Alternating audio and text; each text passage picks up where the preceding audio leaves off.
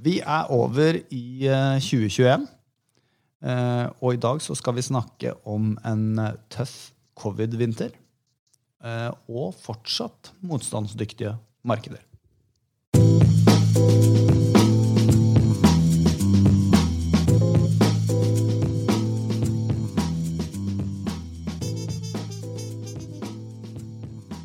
Er du med meg, Kristian? Det er jeg. Godt nyttår. Jo, takk det samme. Føles litt uærlig å si godt nyttår.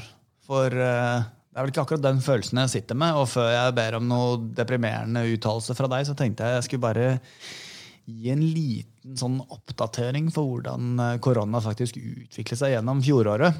Vi, vi, publiserte jo en eh, episode som bare handlet om koronaviruset 30.1 i fjor, altså i 2020. Og den jo, kan jo være litt gøy, er kanskje feil ord, men interessant å, å, til, å gjenbesøke da, for å se hvilke prediksjoner vi kom med der, og hvordan det faktisk gikk eh, med, det, med, dette pandemiåret. Men bare for å sette ting litt i perspektiv, da, i, i midten av januar i, i 2020 så var det i hvert fall ifølge World Meters Info registrert eh, litt over 600 smittetilfeller eh, og 17 døde mennesker. Eh, det var da i midten av januar. Når vi kom over i starten på februar, så var det over 10 000 smittetilfeller. Og når vi kom til april, så runda vi den første millionen. Før sommeren, eller i juli, så hadde vi over 10 millioner smittetilfeller. Og når vi kom til november, så var det over 50. Året endte til slutt på over 86 millioner eh, registrerte smittetilfeller og 1,8 millioner eh, døde mennesker, som er helt uh, forferdelig. Og for de menneskene der ute som er fristet til å prøve å sammenligne dette med en vanlig flu, uh, så håper jeg at uh, jeg håper at folk har slutta å gjøre det nå. Og, og, bare som til informasjon, da, i hvert fall tall fra WHO, så er vanlig seasonal flu tar livet av i gjennomsnitt mellom 290 og 650 000 årlig. Og det må sies å være et godt stykke vekk fra de tallene vi ser eh, og har sett fra korona. Og med den hyggelige introen der på det nye året, Christian, eh, kan ikke du da gi meg siste, siste nytt på smittefronten? Jo, vi hadde som du innledet med, kanskje forventninger om at 2021 skulle starte med blanke ark, men dessverre så går jo ting i feil retning. Og det man kan spore det til, er jo kanskje nye mutasjoner av eh, koronaviruset. Og spesielt da eh, denne britiske varianten som eh, først ble oppdaget i Storbritannia, men som da har spredd seg til Norge og også mange andre land rundt omkring, og som har en høyere smittegrad enn det det opprinnelige viruset hadde. Og I tillegg så er det også nå et, et, en sørafrikansk variant som eh, det også er enkelte eh, forskere som eh, lurer på kan være mer motstandsdyktig mot de vaksinene som er utviklet. Og det illustrerer egentlig bare den ekstremt Eh, sårbare situasjonen vi er i også ved inngangen til 2021. At eh, viruset kan mutere i stadig nye fasonger. Og det kan bety at eh, vaksinene må omprogrammeres. Det er jo riktig betegnelse å bruke på disse vaksinene. Og det kan gjøre at den økonomiske oppblomstringen og ikke minst den helsemessige tryggheten som mange nå venter på, den blir utsatt. Altså det tar lengre tid eh, å, å, komme tilbake til eh, normalen. Både sånn samfunnsøkonomisk, men også finansielt. altså med tanke på hvordan eh, økonomien påvirker finansmarkedene osv. Men eh, smittesituasjonen er eh, ikke spesielt eh, hyggelig. Vi har jo sett en viss avtagende tendens her hjemme i Norge. Det er for så vidt positivt, men i USA så går ting i feil retning fortsatt. Eh, jeg leste i den morges at eh, flere sykehus i California eksempelvis nå eh, har fått gitt beskjed til, eller politikerne gitt beskjed til helsesystemet der at ambulansesjåfører osv. blir gitt beskjed om at de covid-19-pasientene som er så syke at de sannsynligvis ikke vil overleve, de blir ikke frakta til sykehus for behandling. De, de har rett og slett ikke kapasitet til å ta imot flere på sykehusene. og Det gjør at eh, en del moral, tunge moralske eh, og etiske valg må tas av ambulansesjåfører og leger osv. Så, videre. så dette er jo litt av det skrekkscenarioet som vi hørte bl.a. fra italienske sykehus eh, på vårparten. Apropos valg og, og prioriteringer. Kristian, Du nevnte jo i noen av episodene som vi hadde før jul, at uh, med den hastigheten som vaksinene blir distribuert f.eks. i Tyskland nå, så vil det ta typ liksom to år før hele Tysklands, eller ikke hele, men 60-70% av befolkningen eh, var vaksinert mot det her. Det må jo sies å være ganske lang tid. Nå så jeg noen whispers i avisen i dag tidlig om at det var enkelte som mente at vi ville være godt vaksinert i dette landet her før sommeren. Mener du at det stemmer, og hva er i så fall eh, årsaken til at, eh, til at vi kan få til det her eh, sammenligna med Tyskland? Tatt i betraktning selvfølgelig at det er en helt annen befolkningsmengde, selvfølgelig. Men, um... Ja, det er, det Og når det gjelder det tyske eksempelet som jeg nevnte før jul, så var jo det et hypotetisk eksempel om eh, at dersom uh, Tyskland kun hadde tilgang til uh, Pfizer-Biontech-vaksinen, så ville det ta to år å vaksinere uh, 70% av befolkningen. men den, si, den, denne virkeligheten vi lever i, er jo at det er flere vaksiner som allerede er godkjent i flere land, og det er altså flere som er på gang. Eh, til sammen så er det vel 20 eh, ulike potensielle vaksiner mot eh, covid-19.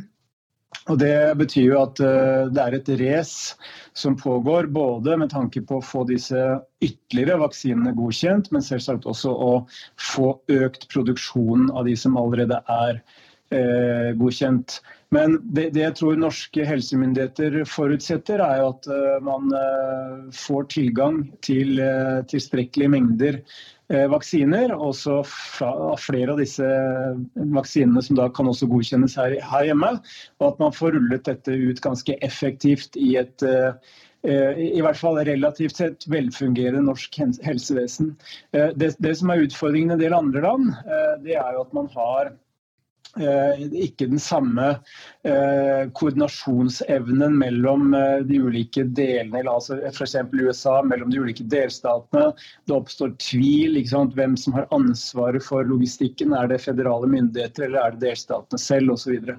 så eh, I tillegg så sliter man jo i mange land med vaksinemotstand. altså at du har deler av befolkningen som rett og slett ikke ønsker å ta vaksinen fordi de mener at det er en Eh, ja, er altså en konspirasjonsteori da, som ligger bak dette her, om at uh, vaksinene egentlig er utviklet for å kontrollere uh, ja, helsetilstanden til folk. At man skal liksom legge noen sånn politiske motiver bak. Um, og det er jo spesielt relevant i USA og i en del andre europeiske land også, for så vidt. Der man ser at de som har en tilbøyelighet til å støtte populistiske politiske partier, altså ergo Trump-tilhengere i USA eller eh, høyre-radikale i Italia eller hva det måtte være, de har en, motstand også mot uh, å ta vaksiner. Og Dersom det realiseres, og at man får en såpass uh, stor andel av befolkningen som ikke ønsker å ta vaksinene, så vil man jo heller ikke nå ambisjonen om å oppnå denne masseimmuniteten som man ønsker. Så det er en del uh, kjepper som kan, stikke, som kan uh, stikkes i hjulene også og fremover når det gjelder utrulling av vaksiner. Ja, nei, det er um, Det fins veldig mye jeg har lyst til å si på det siste du sa der, men uh, i fare for å bli gjenstand for mye angrep i den poden her, så tror jeg ikke vi, vi skal ikke gi oss ut på konspirasjonsteorier nå. Det kan vi for så vidt lage en helt egen spesialsending om. Men jeg håper ja, det, i hvert fall at men, men, men, men, i hvert fall det som er situasjonen, det er at ting går i feil retning i USA. Ting går i, i feil retning, spesielt i Storbritannia, eh, hvor denne nye mutasjonen har ført til en ganske voldsom oppblussing av smitteveksten. Og Der har man også nå begynt å få problemer med sykehuskapasiteten. Eh, man har sett eh, tegn til bedring i enkelte andre land, som f.eks. i Tyskland, eh, Frankrike, Italia. Men også der har bedringen stanset opp. Og Det kan jo være en funksjon av at denne nye virusvarianten da begynner å, å spre seg. Ja, ok. Vi får følge tett med på det, Kristian. Min appell er i hvert fall at får du sjansen til å ta vaksinen, så gjør din borgerplikt og ta den. Men vi beveger oss over til markedet.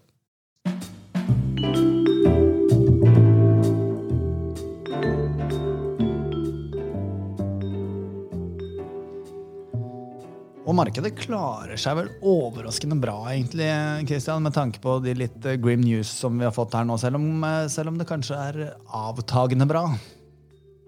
Ja, man får litt følelsen av at den eh, voldsomme oppdriften som vi hadde gjennom hele november og til dels deler av desember også, den har blitt litt borte.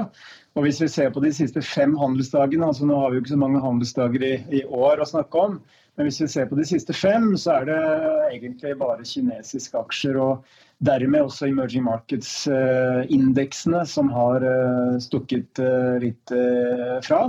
Og kinesiske aksjer har jo faktisk nå steget over det nivået, forrige toppnivå, som var i 2015. Da hadde vi jo denne kinesiske aksjeboblen hvor det var en heidundrende fest med giring og og det som var eh, i det kinesiske aksjemarkedet. Men nå har altså kinesiske aksjer kommet tilbake over det nivået igjen. Og ettersom eh, kinesiske aksjer utgjør brorparten av eh, emerging markets-indeksen. Det er vel jeg ble litt sånn usikker på stående fot her, men jeg mener kinesiske aksjer alene utgjør rundt 40% av MSCI emerging markets-indeksen.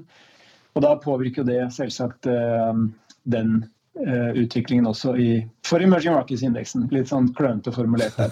Men bortsett fra det så har det vært eh, egentlig litt sånn stillstand i globale aksjer. Eh, bitte liten tilbakegang i norske aksjer. Og spesielt da så har jo teknologiaksjene blitt eh, litt eh, hamra eh, etter den svake børsdagen vi hadde i USA i går. Men gjennomgående egentlig små bevegelser i, små bevegelser i, i rentene.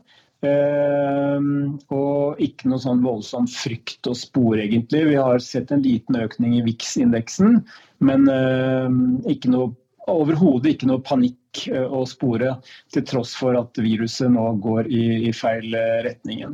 Det som kan være en, en bidragsyter til dette, her, det er Eh, lavere realrenter eh, i USA. Fordi det vi har sett er at inflasjonsforventningene de fortsetter å stige eh, og har bikket over 2 altså Det betyr at ut ifra eh, obligasjonspriser, obligasjonskurser, så indikerer da eh, obligasjonsmarkedet at man kommer til å ha gjennomsnittlig rundt 2% inflasjon per år over de neste ti årene.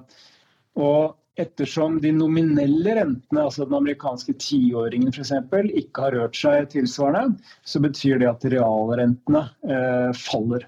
Så i øyeblikket så har vi de laveste realrentene noensinne i, i USA. Og det er jo en eh, potensielt viktig drivkraft for etterspørsel etter risikable investeringer, sånn som aksjer og kredittobligasjoner. Ja. Og gull. Men Christian, hva, hva er det som er de viktigste markedsdriverne fremover? Det som er veldig spennende, er hva som skjer i dette delstatsvalget i Georgia i, i, dag. Nå kan det jo ta noen dager før vi får det endelige resultatet. Eh, men eh, dersom vi får eh, demokratisk flertall i Senatet, som ikke er en helt usannsynlig konsekvens av dette valget her, så vil man jo få høyere sannsynlighet for at Biden-regjeringen får økt eh, pengebruken sin og, budsjettet ytterligere. At man får økt satsing på oppbygging av den amerikanske infrastrukturen. Og ikke, ikke minst økt satsing også på eh, grønn teknologi og, og bekjempelse av klimaendringer osv. Eh, det vil være den positive siden av det. Eh, det kan bidra til å trekke markedsrentene oppover, fordi det kan gi et noe høyere inflasjonspress i økonomien dersom eh, finanspolitikken blir enda mer ekspansiv. Men det kan også bety at investorene begynner å se på hva dette betyr for skattepolitikken. fordi Biden-regjeringen har jo signalisert at de har et ønske om å heve skattene, spesielt for de rike og for de store selskapene. Eh, men sannsynligvis så vil ikke dette med skatteøkninger være noe som eh, kommer på kartet kanskje før i 2022. Fordi prioriteten hos regjeringen vil jo være å få økonomien på gang etter pandemien. Altså få kontroll på pandemien og få økonomien i gang. Men bortsett fra det så er det jo eh, hvordan eh, økonomien nå responderer på disse nye nedstengningene og lockdownene vi ser.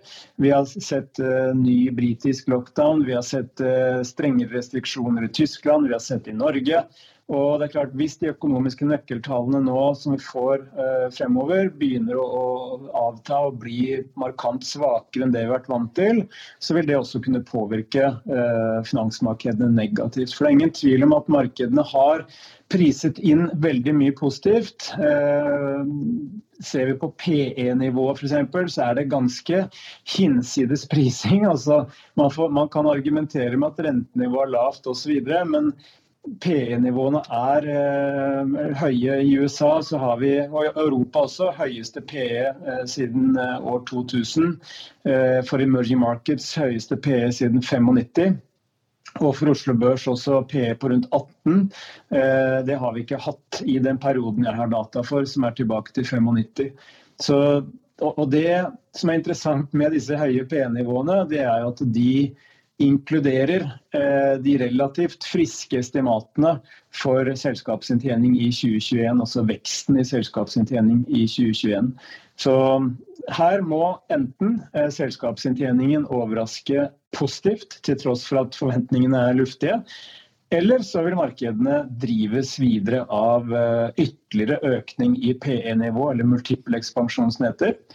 Alternativt så får vi et 2021 som blir mer magert når det gjelder avkastning. Ja, men Det vil jo overraske meg om ikke vi vil se en forverring av, av mye makrotall framover. Men jeg vet vi snakket en god del også på høsten i fjor snakket vi om indekskomposisjon og også for så vidt eh, forskjellige næringers andel av bruttonasjonalprodukt. Vet du hvor mye av norsk bruttonasjonalprodukt som kommer fra servicenæringen? Ball, ballpark? Ballpark, eh, det jeg vet er at uh, privat forbruk utgjør 50% av fastlandsøkonomien. Men servicenæringsandel av Nei, det er jeg ikke sikker på, det tør jeg rett og slett ikke svare på. Nei. Men i USA eksempelvis så vet vi at servicenæringen utgjør uh, rundt 80% av BNP. Industrien utgjør uh, 13-14% og hvis vi ser på Europa eller eurosonen, så utgjør eh, servicenæringene hvis jeg ikke husker helt feil, 60-65% eller noe sånt nå. Og enda mer i Storbritannia. Så, er ikke det et ganske klart signal om at vi, vi, skal ikke ha mye faenskap som vi har nå, før vi begynner å se ganske stygg uh, påvirkning på eh, BNP-estimatene? Ja, det, det, kan du kanskje si, men samtidig så er det jo ikke Eh, alle deler av servicenæringene som blir berørt av dette her. Eh, F.eks. Eh, bankfinans er jo en del av servicenæringene. Og selv om det har vært bedre tider i bankbransjen også, så er det klart at mange ønsker å plassere penger. Mange ønsker å få pengene sine forvaltet. Så det er jo inntektskilder. Og ikke minst aksjetrading osv. er jo noe mange banker tjener bra på. Eh, og Det er også andre deler av servicenæringene som har bra, bra aktivitet. Så eh, en, eh, en, beregning som jeg så fra en av mine kolleger i København, var at i eurosonen eksempelvis, hvis man ser på turisme, reiseliv, arrangement, idrettsarrangementer, konserter, altså alt dette her, kulturliv osv. som nå blir hardest ramma, så utgjør det kun 4 av BNP. Så, så det er nok også grunnen til at de økonomiske nøkkeltallene vi har sett gjennom høsten, har vært såpass sterke, til tross for at viruset har vært der eh, hele tiden, og til dels har eh, økt i, i også. Det her danner grunnlaget for en hjemmelekse. Si. For det, det, det her syns jeg er i hvert fall spennende. Jeg syns vi, vi, skal grave litt mer enn det. Kanskje vi skal titte litt på og av den der eh, servicenæringens del av BNP globalt sett. Jeg vil i hvert fall veldig gjerne høre om det, så hvis du kommer over noe før neste episode, så hadde det vært veldig interessant. Det kan vi gjøre. Har du noe du ønsker å plugge før vi runder av? Nei, ikke noe annet enn det vi har plugga alltid. Uh, nei, egentlig ikke. Men plugg dem igjen, altså de, hvis det er noe nye. Det er nytt år. Nye muligheter til å plugge. ja, ja. Nei, det, det, som man kan kikke på, er eventuelt de faste kommentarene som jeg skriver hver uke. Uh, og Der har vi jo pekt på hva vi tenker om 2021, hva som er risikofaktorene, og litt om prising av aksjemarkedet og sånne ting. Og de finner man Hvis man googler danske bank Makronytt, så finner man ikke bare linken til podkasten vår, men også til mine markedskommentarer. Ellers er det Twitter-feeden min, alfakrøll lie chr. Ja, det er nydelig. Gå inn på Twitter og følg Christian her. Og hvis dere ønsker å gi noe feedback til, til um, redaksjonen her, og forslag til temaer og så videre som vi kan diskutere, så kan dere også søke opp at Ask Stensrud på Twitter. Eh, da finner dere meg, og så kan dere bare sende meg en melding, så skal vi alltid prøve å ta en titt på det dere syns er interessant. Da tror jeg vi sier at vi har kickstarta året der, Kristian, så får vi håpe at vi tar feil i eh, broparten av det vi ser for oss. Ja, altså Vi er ikke sånn veldig negative. fordi Vi er inne i en tøff periode nå. Men eh, får vi litt drahjelp fra økt utrulling av vaksiner osv., så, videre, så kan jo året ende opp og bli ganske bra totalt sett. Hvis vi får denne vekstrekylen fra, fra og med kanskje midten av andre kvartal, da, hvis vi er heldige. Uh, så, så, det er ikke nødvendigvis slik at dette blir et uh, veldig mørkt år. Ja, jeg føler meg heldig. Det er bra. Vi snakkes, Christian. Yes. Ha det. Ha det.